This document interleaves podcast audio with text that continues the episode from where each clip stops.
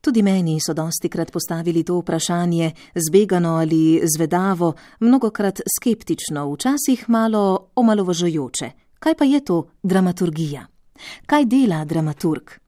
Podobna vprašanja seveda zastavljajo tudi ob drugih poklicih, še posebej ob poklicih v gledališču, ki je domnevno tako drugačno od ostalega sveta, celo skrivnostno, da se je izraz, ki označuje njegovo notranjost, prostor, kjer se ustvarja, uveljavil kot metaforična oznaka zakritega, za kulisje kot prostor dogajanja nečesa, kar ne bi običajnim ljudem ostalo neznano. Gotovo, da enako zvedavo sprašujejo o tem, kaj dela režiser, oblikovalec luči, sploh pa kako svojo vlogo ustvarja igralec. Sicer pa podobno velja tudi za druga delovna področja in menda ga ni poklica, o katerem ne bi bilo mogoče napisati knjige, še največkrat take, ki naj bi mlademu začetniku pomagala vstopiti van. Pojem dramaturgija in poklic dramaturga je res težko opredeliti, pa čeprav je to že desetletja moje delo in si domišljam, da o njem nekaj vem, pravzaprav, da sem se po začetniški zbeganosti naučila, da se v njem kar znajdem. No, tudi ta izraz kaže na zadrego. Znajti se mi ni niti najmanj všeč, saj predpostavlja neko zasilnost in nenačelnost. Bojim pa se, da je ravno zato pravi.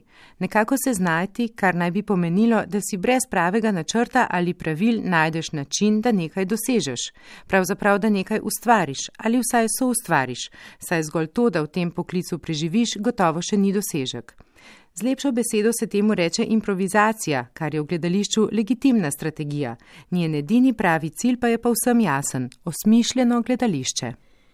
Kje natančno sta v tem dramaturg in dramaturgija, je težje določiti. Številne izmed izjav, bolj ali manj natančnih, posrečeno izraženih opredelitev, ki jih navaja knjiga, bi z veseljem vzela za svoje. Dramaturgija se ukvarja s celoto, s kompozicijo in kontekstualizacijo, Dramaturgija se uresničuje v sodelovanju, dramaturg zagotavlja zunanji pogled in tako dalje. Še najbolj tuja mi je ta hip tista stara opredelitev, ki je bila v časih mojega študija najpogostejša in je dramaturga označevala kot notranjega kritika, a verjetno gre tu za predvsem splošno stanje duha, ki posredno zaznamuje opredeljevanje poklica. Kritika, notranje povezana s kritičnim odnosom do sveta, je bila takrat temeljna intelektualna in tudi življenjska vrlina. V današnjih časih spektakelskih in performativnih gest, ki ne obvladujejo samo gledališča, pač pa celoten svet s politiko na čelu, pa je nekakšen nebodiga treba, ki se ga še celo akreditirani kritiki izogibajo. V lastno škodo lahko razumem tudi izjavo režiserja, ki trdi, da je najboljši dramaturg njegov izbrani lučni mojster. Posebej cenim tiste, ki zagotavljajo, da so v njihovem gledališču vsi dramaturgi. Sprejmem celo trditev, da lahko pri dramaturgiji neke uprizoritve najučinkoviteje pripomore znanec, ki je bil po spletu okoliščin povabljen na eno vajo in podobna pričevanja, ki izničujejo vrednost poklicnega dramaturga. Iz izkušenj vem, da je tudi to lahko res, čeprav izkušnje na ključnega pasanta, ki bi izrekel za uprizoritev bistveno stvar, nisem doživela in pravzaprav sploh ne verjamem v njeno možnost. Hkrati vem, da skrb za dramaturgijo lahko resnično zagotavlja samo dramaturg, človek, ki je za to delo primerno izobražen in ki aktivno prakticira gledanje predstav, branje dramskih in teoretskih besedil, udeležbo na gledaliških vajah, komunikacijo z igravci, plesalci, performerji in režiserji, pa z umetniškimi vodji in drugimi gledališkimi ustvarjalci, ki ima razgled po aktualni gledališki in drugi umetniški ustvarjalnosti in ki goji analitično razmišljanje. Knjiga Katie Turner in Sineke Berndt, ki v vodu opozarja, da se z opredeljevanjem dramaturgije loteva nemogoče naloge, raziskavo zastavi zelo na široko. Prizadeva si, da bi dramaturgiji zagotovila zgodovinsko in teoretsko zaledje, obenem pa pregleduje možnosti njenega uresničevanja v sodobni gledališki praksi. Knjiga je tako izrazito dvojna. Posamična poglavja govorijo o idejno izostrenem gledališču, druga pa o dramaturgih. A ne mara ta razpoka v knjigi ni zgolj napaka, temveč na svoj način priča o neki temeljni zagati praktične dramaturgije, ki se uresničuje na neurejen, pa vendar zavezojoč način. V nekem smislu ima ta avtorici prav. Delo dramaturga je lahko pragmatično, prilagojeno konkretnim in vsakič drugačnim razmeram. Uresničuje se z najrazličnejšimi strategijami in na različnih področjih, a vendar ne sme pozabiti, da je njegov pravi smotr tisto, česar si pragmatičnost ne sme podrediti. Konceptualna osmišljenost gledališča, pa naj gre za posamično uprizoritev ali za oblikovanje neke gledališke hiše. Obenem pa je vredno opozoriti, da se v iskanju najrazličnejših možnosti dramaturškega dela skrivajo tudi nevarnosti. Prva, povsem očitna, pa tudi banalna, je nevarnost, da dramaturg pri iskanju svojega mesta v gledališču pristane pri tem, da dela karkoli. Dramaturg znotraj procesa ustvarjanja uprizoritve nima lastnega vnaprej postavljenega mesta. To mesto si mora izoblikovati sam, vsakič na novo. V prizadevanju, da bi kar najbolj koristno stregel potrebam predstave in njenih ustvarjalcev, pa zlahka postane deklica za vse, do te mere, da za dramaturgijo sploh ne skrbi več. Niti za prisotnost zavesti o referenčnem zaledju, kontekstih, strukturi dela in dogodka, vsebinskih in ideoloških implikacijah in podobnem, kar je pravzaprav njegova domena. Dramaturg, ki je lahko vse ali nič, hitro pristane pri tem, da ni nič. Brez njegove izredne skrbi pa bo morda tudi dramaturgija ostala nedomišljena. Hudič je seveda v tem, da dramaturg morda ostro, natančno in globoko misli, pa je v prizoritev vseeno nedomišljena. A to je pač tveganje, ki ga nosijo vsi poklici. Dramaturgija in konceptualna osmišljenost uprizoritve seveda ne pripadata samo dramaturgu. Izoblikovati ju je mogoče tudi brez njega in še največkrat za to skrbijo režiserji sami. A prav v gledališču, ki je tako zelo zaznamovano z avtorstvom režiserjev, kot je današnje, je dramaturg lahko zelo pomemben, potencialno celo prepoznaven, zato pa mora biti ustvarjalen, ne pa zgolj v službi. Ena njegovih poglavitnih nalog je, da zna izslediti pravo vrednost nekega projekta v momentu njegovega uresničevanja. Gledališče se vselej dogaja tukaj in zdaj in to v zelo konkretnem smislu. Poleg prostora in časa to pomeni tudi konkretne ljudi, ustvarjalce in potem tudi gledalce. Dramaturg se mora tega zavedati. V projekt ne sme vstopati z unaprej zakoličenimi predstavami, še najmanj pa s takimi, ki bi si jih izoblikoval samo iz prebrane literature. Imeti mora posluh za aktualni trenutek in za ljudi, svoje sodelavce, si prizadevati za tisto, kar je v določeni situaciji najbolj avtentično in resnično.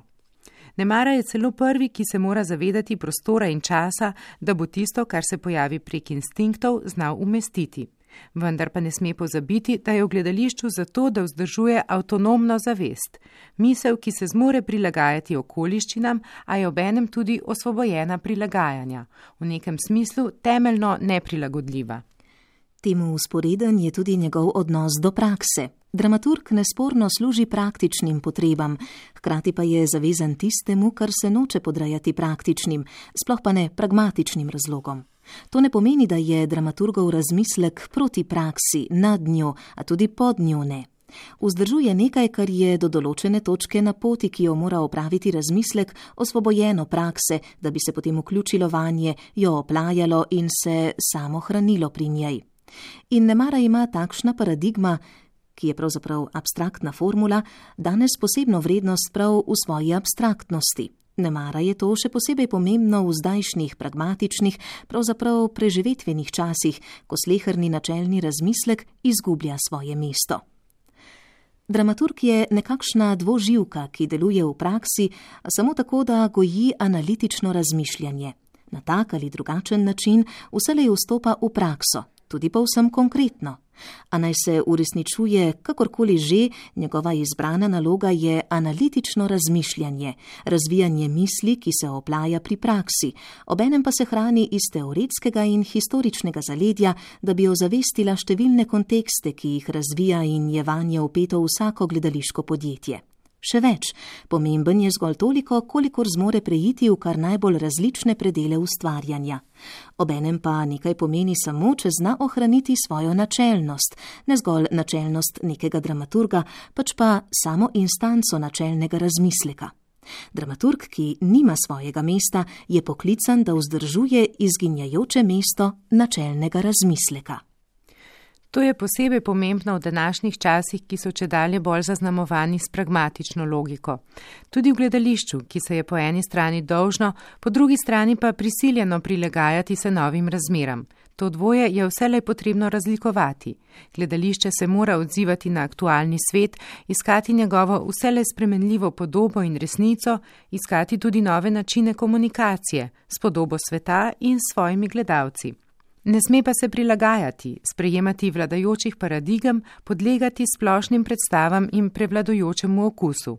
Vsaj gledališče, ki goji resne ambicije, ne. Pravzaprav pa to velja za vsako gledališče, ki hoče ostati živo. V času agresivno prodirajoče pragmatičnosti, ki gledališče potiska v preživetveno logiko, se obe strategiji nevarno stapljata. Gledališče, ki si včasih prav brezupno prizadeva, da bi ohranilo svojo vitalnost in sposobnost tekmovanja z drugimi središči javne pozornosti, se dosti krat zgor prilagaja in sledi vzorcem, ki dušijo njegovo kreativnost in izvirno sposobnost komunikacije.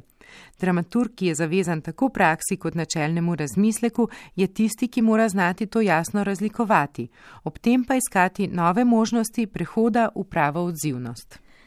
Dramaturg je v osnovi še vedno zavezan isti potrebi, zaradi katere je bil v Hamburškem narodnem gledališču v drugi polovici 18. stoletja nekaj let angažiran Lessing. Skrbi za ustvarjanje gledališča z resnimi ambicijami ne zaradi tradicije, morebitne zvestobe, inaugurativni gesti ali kakršnega koli esencialnega besedovanja.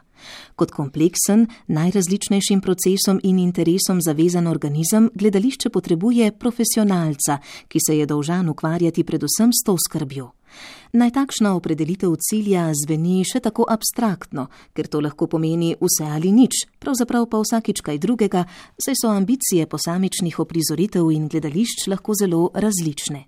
In naj so načini uresničevanja tega cilja še tako negotovi in spremenljivi. Nekje znotraj te nejasnosti je trdno jedro, ki si ga mora dramaturg izoblikovati sam, v stalnem dialogu s sodelavci in svetom sicer, pa vendar neodvisno in pravzaprav samotno. Slej ali prej se mora soočiti z negotovostjo in jo sprejeti, sprejeti nezanesljivost svojega mesta, svojih strategij uresničevanja, pa tudi svojih ciljev.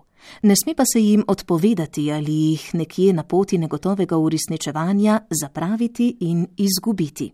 Kljub vsemu gre za nekaj dragocenega.